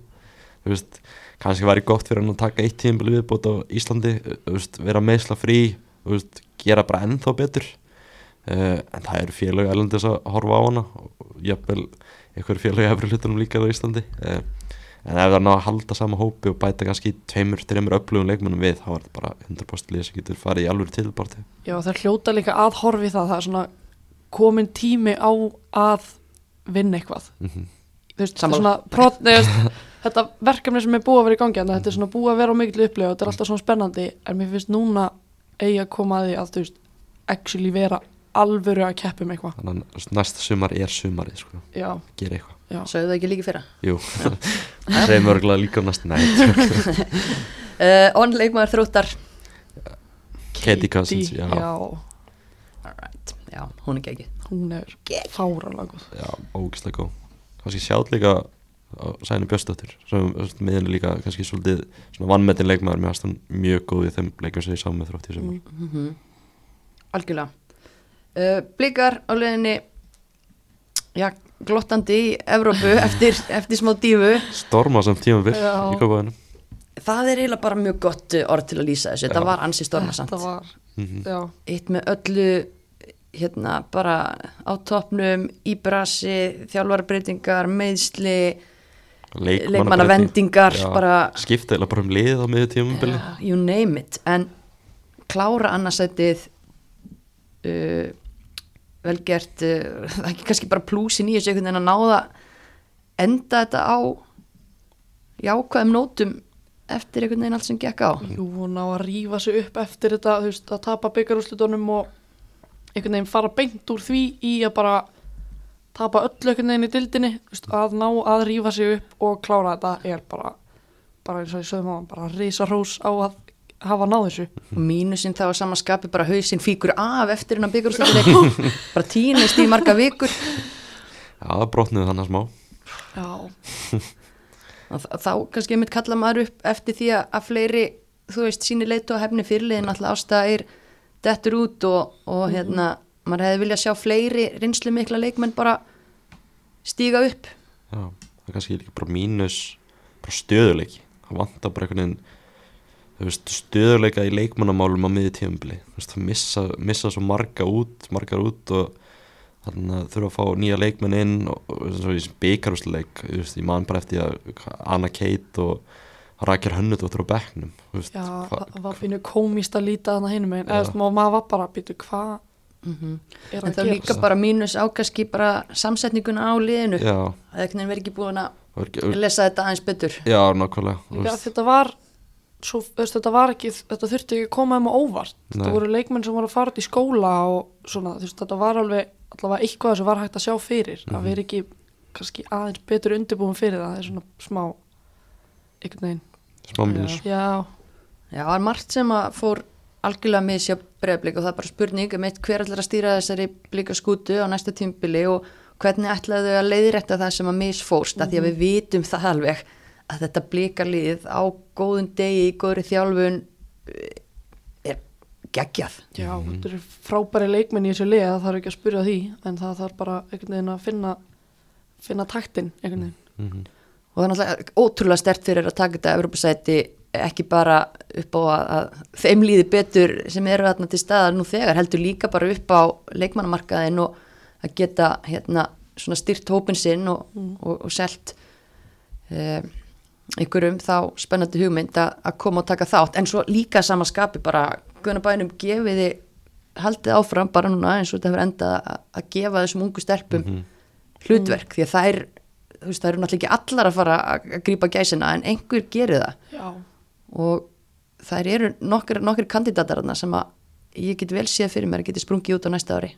Já, líka ef að þú gerir það ekki að þá fara þær bara eitthvað annað á endanum, þú veist, maður nennir ekki að býða endalaust eftir að fá tækifæri sem þú sérð ekki fyrir þér að fá. Og nú er Þá- augnablik farinir í aðradeild. Já, Þannig að- að það verður spennand að sjá. Það er áhverð að fylgjast með hvað, veist, hvernig, hvort það verður eitthvað breytingar svona á verkefninu með augnablik veist, hvort að fleiri leikmenn veist, fái þá bara freka tækifæri með breyðablik í bestöldinni í staðan fyrir að spila í annar til kannski veist, það eru kannski, það eru svona einhverja pælingar sem veist, fólk á baku tjöldinni breyðabliki verður að taka og, og nýr þjálfari leysins verður þá líka að svona horfa í mm. og náttúrulega leikmenn á láni víða en, hérna, en þeir leikmenn sem hafa verið lengi til þetta hérna, kalibir þeir hafa bara spilað þar mm en nú það kannski að fara að lána leikmenn mm. neyri lengjuna sem er ekki alveg kláðrar í, í bestu þetta er, já það er, þarf að setjast niður Já. í Kópavói Mhm. og ég hlakka til að, að vita hver hver er að fara að taka við þessu? Já, Já, það ég- er eina af svona sögum vetursins klálega að Ég- það er svo mörg nöfn sem að einhvern veginn poppu upp. það er rosa mörgn upp sko. ég er ógæslega spenntur að sjá. Og það er greinlega verið að horfa svona hátt í, í kópáðunum og fyrst hefur ringt í Elisabethu Gunnarsdóttir og, og svo leis þannig að það var mjög spennt að sjá hvað tekur þessu. Algjörlega, hver var onn fyrir blíkana? Ég held að vera, er ekki Aglamarja Það stóðsendinga hæst og næst markaðist í dildinni fáralegt að við gerum alltaf svo mikla kröfur að við viljum ekkert minna frá henni en það. Var svona, var svona að hugsa samt, og, hún hefði getað gert aðeins betur sko. það er ógæslega skrítið. Algjörlega, ég menn þetta var ekki hennar besta tífubil en samt endar hún það svona það og, er bara svona að vera búin að setja eitthvað standard. Já, hún, á, veist, hún á bara að vera besti leikmann í þessari deild. Maður all- alltaf einhvern ný en svo mér mér gaman að sjá líka aðeins hvernig hún stegu upp núna í síðustu Mhm. þrem leikjunum og varnavinnan hennar í gær var flott til dæmis og svona, hún var að sína svona nýja eiginleika Mhm. svo lítið er endar, búið að vera spilinni aftar með landsliðin og svona, þannig að þetta er eitthvað Vangbakur er í landslegin akkurat, en ég voru nú að hún haldi nú bara áfram á kantinum og haldi áfram að- skapa Já. og bara virkilega vel gert að vera stóðsendinga hæst Mhm.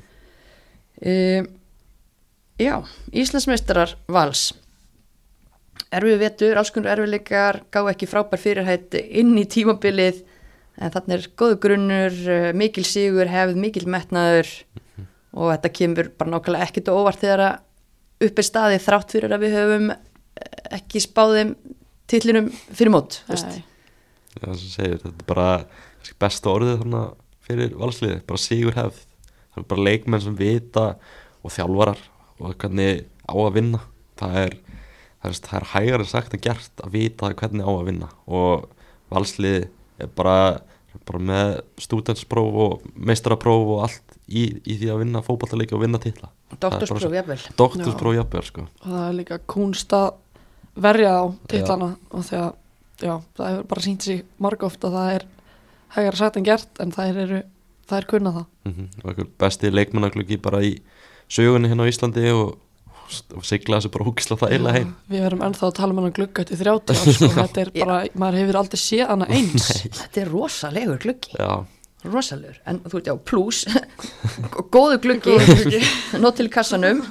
Uh, ótrúlega vel skipulað er náttúrulega bara vel mannaðar í öllum stöðum og, og áður en þær voru komnar á flugi sitt þá voru þær samt að að klára leiki eins og segumi og, og hérna bara ótrúlega samfarandi frá fyrsta degi og, og ána líka bara þú veist, við erum búin að hrósa Pétri mjög mikið en hann á bara ótrúlega mikið hrós uh, skilið bæði inn á alla sem utan sko. Já, þreytust ekkit á því og þökkum honum fyrir slægina sem hann var að taka Já. í byrjum móts. Algjörlega, þetta er náttúrulega bara risastór karakter bara í íslenskum fótbolta og bara mikilvægt bara fyrir bestöld kvenna að hann verði áfram í, í deildinu og sé ekki að fara hætta strax. Það er bara greiðarlega mikilvægt. Allar hundra leigubílasöðunar ósannar.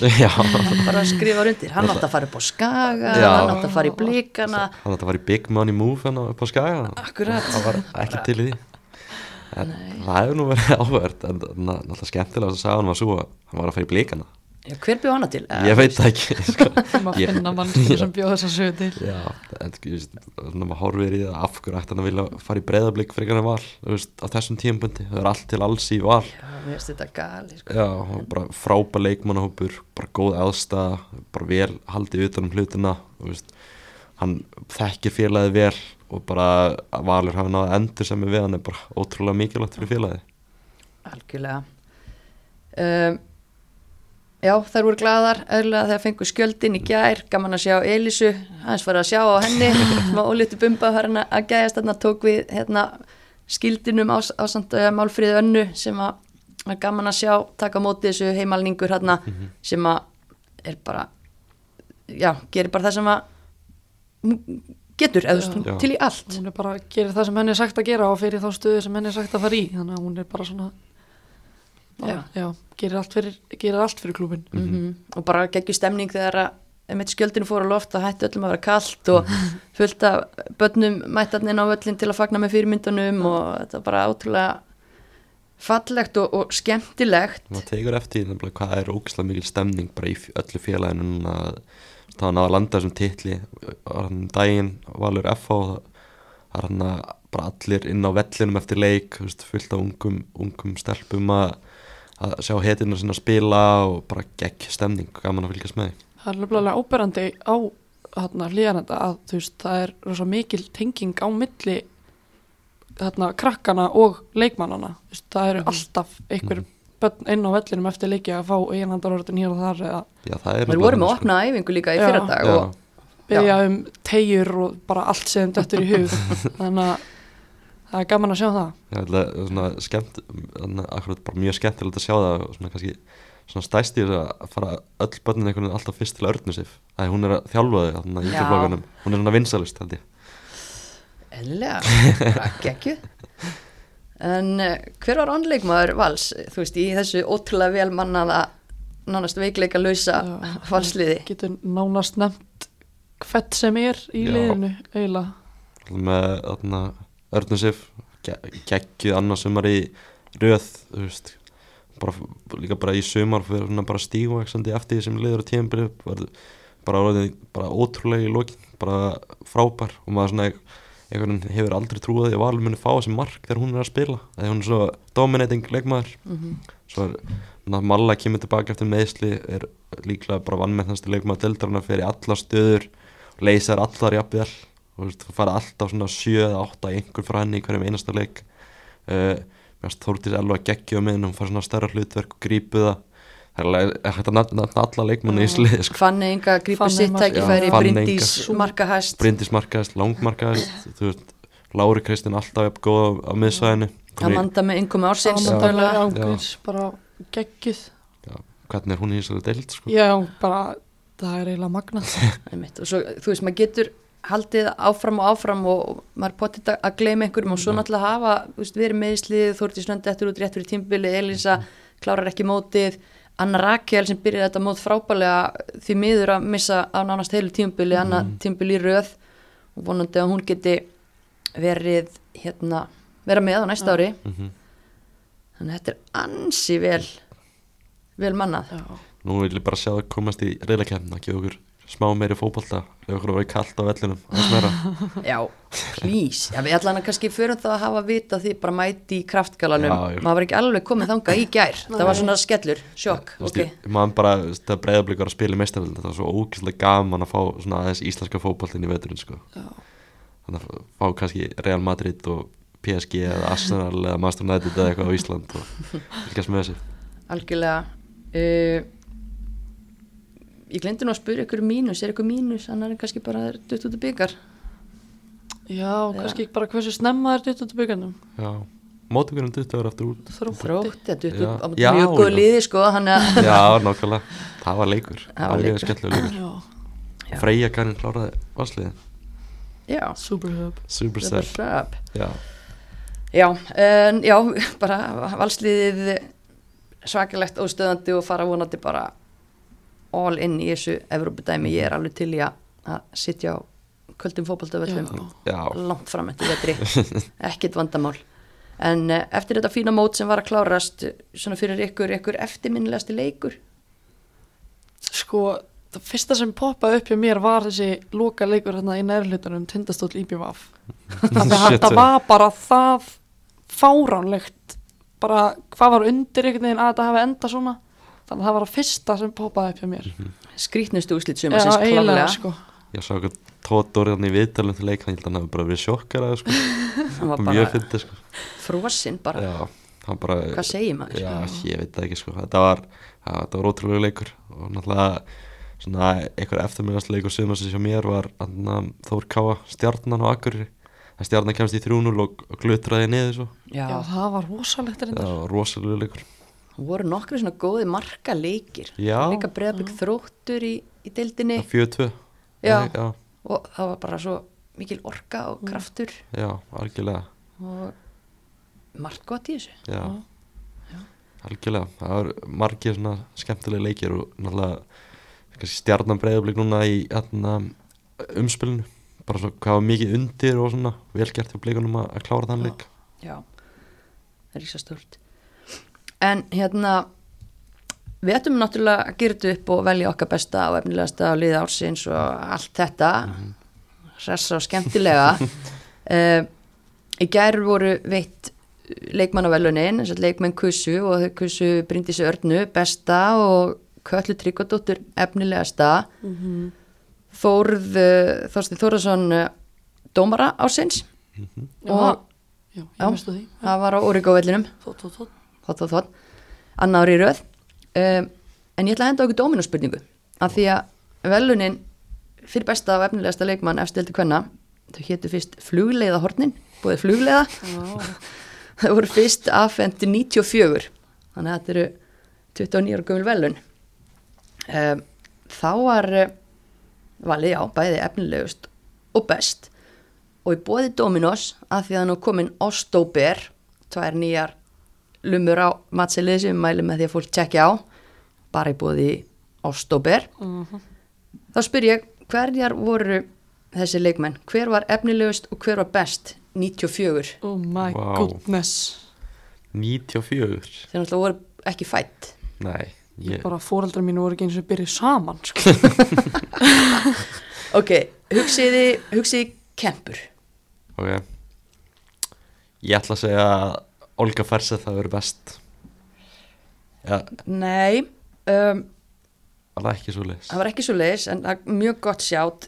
Þessi var í blikunum og var alltaf að spila svona uh, með ástildi. Og var geggjuð. Hætti allt og snemma. Þetta vá, Ég er bara tóm. ok, ok, þetta er Lauf Ólafsdóttir. Nei, nú er hún verið móðguð. No. nei, að á ártölum passa kannski ekki alveg þar já, en, djúk en hérna, nei, þetta er eh, Margrét Ólastóttir Magga. Óla. Já, og bara einn hæfileika ríkasti leikmaður sem að við höfum átt. Mm. for sure, efnilegasti leikmaður var landslýsfyrirlegun okkar til margra, margra ára. Ástildir Helgadóttir nei. Um, hún er læknir. Katrín, Katrín Jónsdóttir. Katrín Jánsdóttir, það var mín fyrirmynd þegar ég var lítil, sko. er það ekki? Jú, ekki sko. Hún ég er var númer 8 á þetta henni. næs já, hún er, hún er uh, æði og þær báðar Katrín og, og Margrét og, og gaman sko að þetta stóra mikið nöfn hafi fengið þessa fyrstu Mhm. viðkenningar Mhm. og já. Erfið spurning já, mjög. Það var bara, ég er bara í sjokki. En svörin með ekki fullkomin senn svona þegar maður er með þau fyrir fram að sig Já, eins og svo ofta áður. En við völdum líka og uh, það var ekkit gefins, uh, við byrjum kannski bara á efnilegustu og, og það mátti eiginlega ekki bregða milli, það voru þrjár sem okkur fannst þarna gjörsanlega geggjaðar. Já, það eru þrjár sem svona klálega að bera af.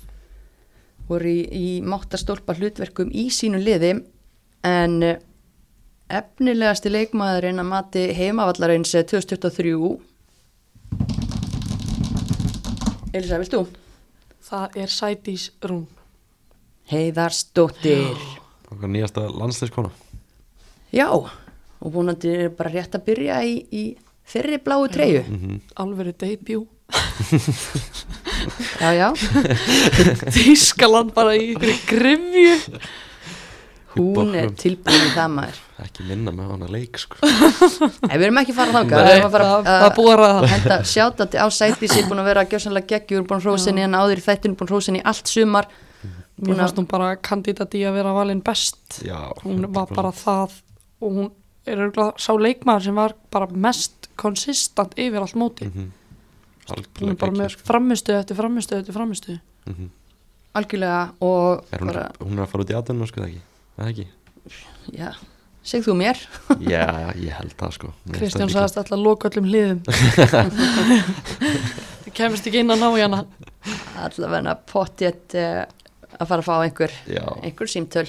100% og bara framtíðin er hennar. Og hún er ekki búin að finna þakki sitt. Nei, hún verður svo ógislega góð sko. hún er bara alltaf góð til að spila hérna Já. heima. Það er bara ekki flóknar það. Það er bara stað það er bara staðan, Já. einfalt. Annar og þrija seti ekki neittni sérstökur röð þannig Inga Birkisdóttir sem að listi Söndru Sigðaradóttir af í valsmarkinu og gerði það svo gott sem óaðfinnanlega. Og Katla Tryggvadóttir sem var valin efnilegust af eh, leikmönunum annað ári í röð. Mm. gjörsanlega frábær, ótrúlega skapandi og já, hugmyndaríkur leikmaður. Já, það er bara svo mikið bolti í henni. Þú veist, að bara horfa á hana að spila fótbolta er bara svo gaman. Hún er bara bara búin að vera að smóka varnamenn í þessari deil bæði í ára og í fyrra. Þannig að var horfður eitthvað svona í það eftir svona fimm ári eða eitthvað þá voru hún og þú veist, Amanda Andrúðið bara eitthvað svona að leika sér í alansleinu sko. Það vonandi, já, vonandi, það verður geggja ef allt gengur upp. Það er báða svo, þú veist, það eru ógeðslega góður í fótbolta. Það er bara máli sko. Og bara, bara boltinn einhvern veginn bara er besti já, það er bara svo leiðis það er bara svo leiðis Herðið, förum í besta þjálfaran áður en að við veljum besta leikmannin um, Já, og kannski bara þannig útskýrum að valið er ekki bara við þrjú að- reikna heldur eh, erum við búin að fá mikið af flottum sérfræðingum til að fjalla um deildina með okkur á heimavellinum í sumar um, og eh, þau fengu öll sinn atkvæðis rétt í þessu. Þannig að þetta er búið að vera heljarinnar útreikningur og, og púsl en þegar koma bestu þjálfurum þá voru í rauninni tvö teimi sem að fengu atkvæði. Besti þjálfarin vann þetta Íslands mót Gumi, hvað heitir hann? Pétur Pétursson. Það er bara svo leiðis Það er bara svo leiðis, við elskum Pétur. Já, hann er hann er svo góður fyrir þessa deil bara eins og vorum að segja það Akkurat búin að, búin að hrósa honum mikið en það er líka búið að hrósa bræðurunum í hafna fyrir mikið og þeir fengu þó nokkra tilnefningar líka gerðu magna hluti með þetta FH lið og hlakka til að sjá hvað þeir eigu upp í erminni fyrir næsta tíumbil, næstu skref. Já, þeir alltaf sér stærri hluti. Það er alveg 100% verða þeir ekki saman áfram svo að maður líka hýrt eitthvað svona slúður einhver reyna að taka hlinn yfir eða eitthvað? Já, þeir eru ekki bara besti saman? Jú, ég held það sko. Það er bara, maður sér allavega ekkit, ekkit annað. Mhm. ég held að þeir bara elski F og það mikið að þeir vilja bara vinna þetta verka og verkefni áfram. Já, ég vona það, til í það. Þeir balansa líka hvern annan svo vel út. Eins og góði bræður eiga að gera. Já, uh, besti leikmaður bestu deildarinnar 2023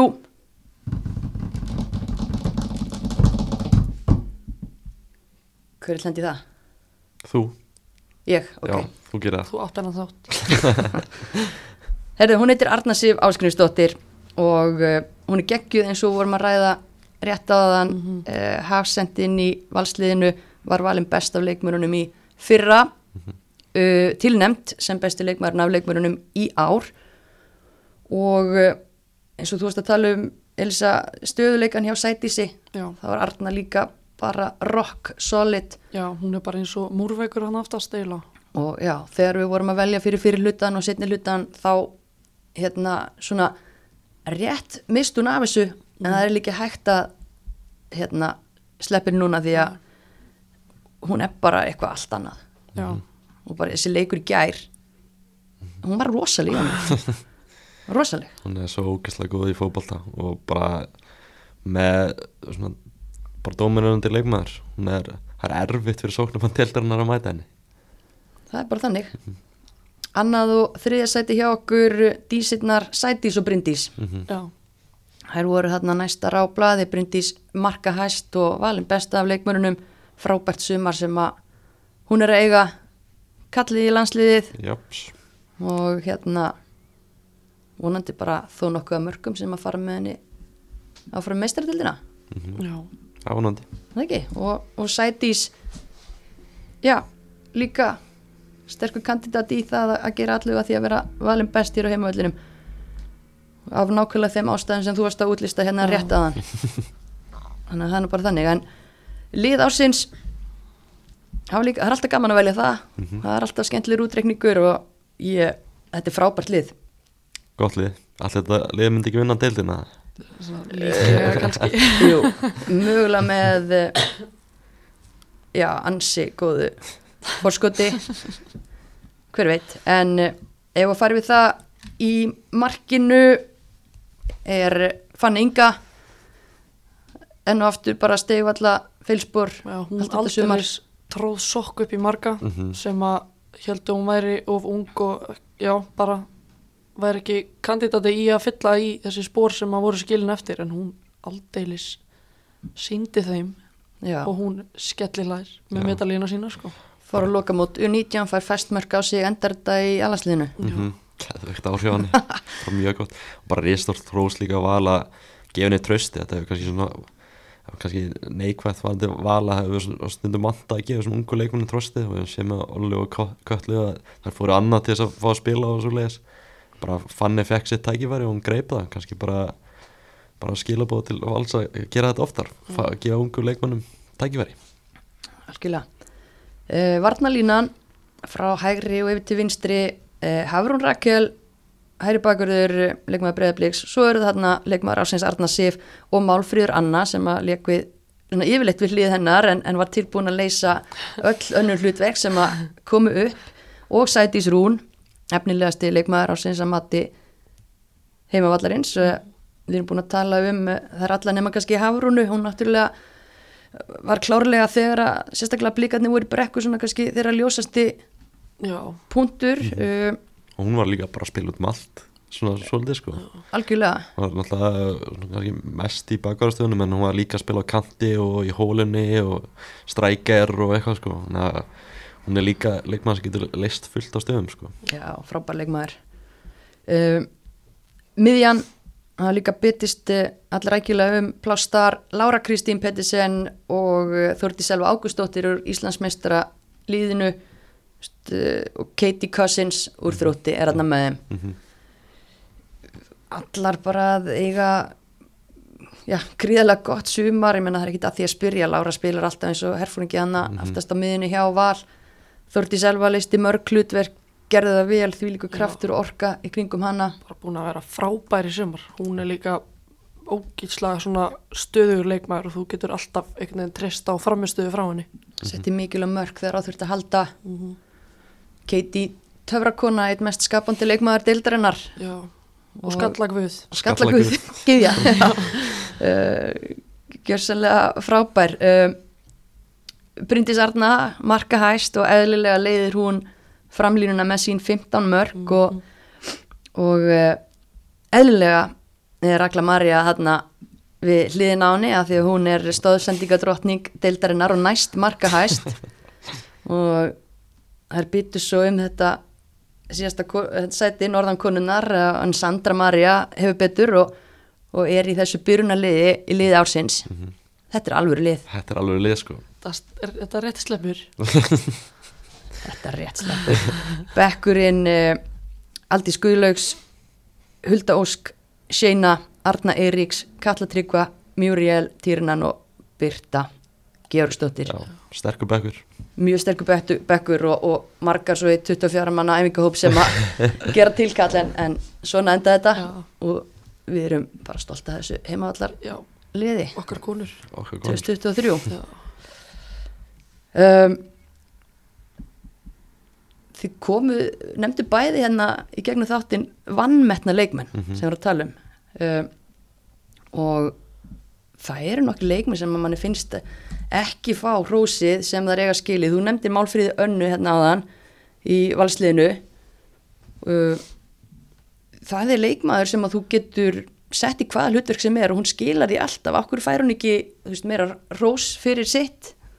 Það er bara svo oft sem að leikmenn sem að spila svona kannski aðeins aftar á vellinum fá ekki hrósi sem þær að skilja því að þær eru að skila kannski ekki svona ekki jafn augljósri vinnu eins og að skora mörkin að leggja upp. Þannig að ég held að það sé við meðum bæta okkur því. Já, þetta er ógeðsla pjörandi sem varnamæður það er bara að tala, tala fyrir mitt fólk. Já, hún, þú veist, líka málfrið, hún er kannski ekki alveg fundið sína stöðu, sko, þú veist, kannski ekki svona fest í eini stöðu, kannski það hafa áhrif líka, sko, en bara eins og segjum á hún, hún leysir bara allt vel sem hún gerir, skilur alltaf 7-8 í framistuðu, sko. mm annan leikmaður sem að já, eins og málfyrir kemstnundar í þetta úrvarslið okkar er Þórti Selva en mann finnst líka eins og hún er ekki alveg alltaf hrósið sem að eða, sérst, fá ekki alltaf hrósið sem hún á skilið. Nei. og mann finnst stundum líka skríti hvað henn er oft kipt fyrst út af þessum Já, valsleikum það verðist vera bara eitthvað svona þumarputtaregla bara. Já. maður getur náttúrulega ekki gaggrýnt á meðan að, hérna, þau vinna leiki og svona en stundum hugsa maður bara þetta Já. er samt skrítið því að hún er búin að vera gjörsanlega geggjuð í allt sumar Algjörlega frábærum, maður svona, geti síða fyrir sér að hún fara út í aðtunum, sko, í vetur, sko. Það er svona einhverjar sögursannir í gangi um liðið í Svíþjóð, held ég, og Já. vil ég fá hana. Kannski ekkert skrít eftir tímbrið sem hún átti með val. Einmitt. annar vannmetinn leikmaður sem er enda komin til Svíþjóðar Já, það er nú þín kona, hún Já, er hrifin af, henni ég var með hann í mínu liði ársinn sko, það er Beggasól, eða Bergþóra Sól sem að þarna var í breyðablik eiginlega í allt sumar en hún er bara bara, þú veist, þetta er bara mikilvægasta staðan í nútíma fótbolta er hérna djúpi miðumæður Mhm. sem að er svona varndar, verndar, verndar í varnarinnar. Og hún er bara gríðarlega öflug og eins og bara hinnar skilar alltaf sínu. Mm það er gaman að fylgjast með henni áfram í Sverige. Er ég, sko. einhverju fleiri svona vannmetna sem að við viljum henda á smá sjáti Ég nefndi hann að sæjun á hann í þróttum, ég veist hún er mjög vannmyndin. Hún er algjörlega virkilega góð leikmar og hún er bara hann líkin maður í, í þróttaraliðinu. Ótrúlega góð á miðsvæðinu, sko. stíga mikið upp, bæta sér mikið frá því að síðast tímbili og, og bara verðskulda kall í U23 á, á hana Algjörlega, samanlega því. Þið er líka búin að nefna nokkra kandidata sem þið sjáu fyrir ykkur fara út í atvinnumönsku Mm hverjir eru, eru líklegasta? Þið eru búin að tala um Sætis, þið eru búin að tala um Köllu já, Ég held að Amanda hljóta fara út í aðeins mennsku vittur. Hún bara finna einhvern veginn rétta liðið um, sem, að- þar sem hún fær að spila og fær alveg hlutverk eins og hún hefur fengið í val.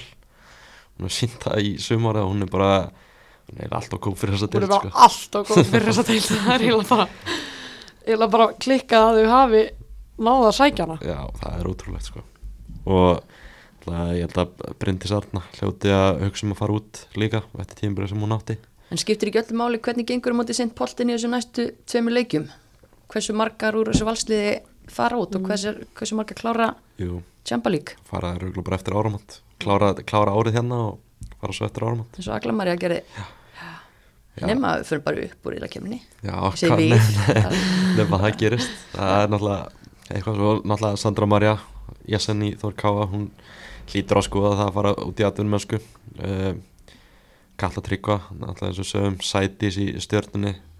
Það eru alls konar kandidatar sem getur farið út í atvinnumösku algjörlega. Og það er líka alls konar verkefni bóði í atvinnumennsku. Það við erum ekkit alltaf að tala um að einhver þurfa að fara í, þýsku búndeslíkuna. Það er hægt að taka skref upp á við í þó nokkrum dildum en, en það aftur á móti líka er grasið ekki alltaf grætna hinum einn þannig að við vonum bara að leikma velji vel eða ætla að yfirgefa okkur í byli Já, Já. það er rosa mikilvægt að finna rétta lið Já. rétta tækifæri Akkurat. Kanski bara í lokin að því að við fylgjumst með fótbolta að þeim er skemmtilegur, það ekki? Skemmtilegt að horfa á hann, skemmtilegt að spila hann.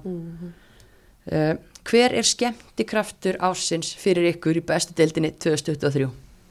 fyrir mér er það eiginlega bara Amanda Mhm. hún er bara það góð og maður er bara eiginlega maður er alltaf jafn hissa hvað hún er góð þó hún hafi líka verið svona góð síðast að þá bara þú veist, hún er bara búin að vera með boltan við lappirnar síðan að hún var pínulítil sko. mm það er bara, ég sammála því að Amanda er svona, sleik, sá leikmaður sem er skemmtilegast að horfa á sko. bara svona hann er bara sóla og, og þarna knattrak og, og svo lega svo, svo finnst mér Kalla Tryggvadóttir mér finnst það ógeðslega gaman að horfa á hann að spila fótbolta þegar hún er svona í essinu sinni sko. Já.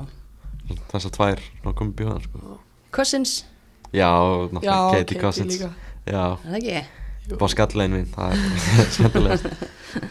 Algjörlega, algjörlega. maður er alltaf svo hissa sko, þannig að vinna þessar skallegin að fara í einvið við leikmenn sem eru miklu, miklu hávokstari en hún og hún vinnur alltaf sko. Það er skemmtilegt. Já, En hérna, við erum búin að taka okkur góðan tíma í að að fara yfir þetta þannig að við ætlum að geima næstu leigubílasögur og svona fyrir hérna, næstu þætti, ekkit, ekkit slúður hér.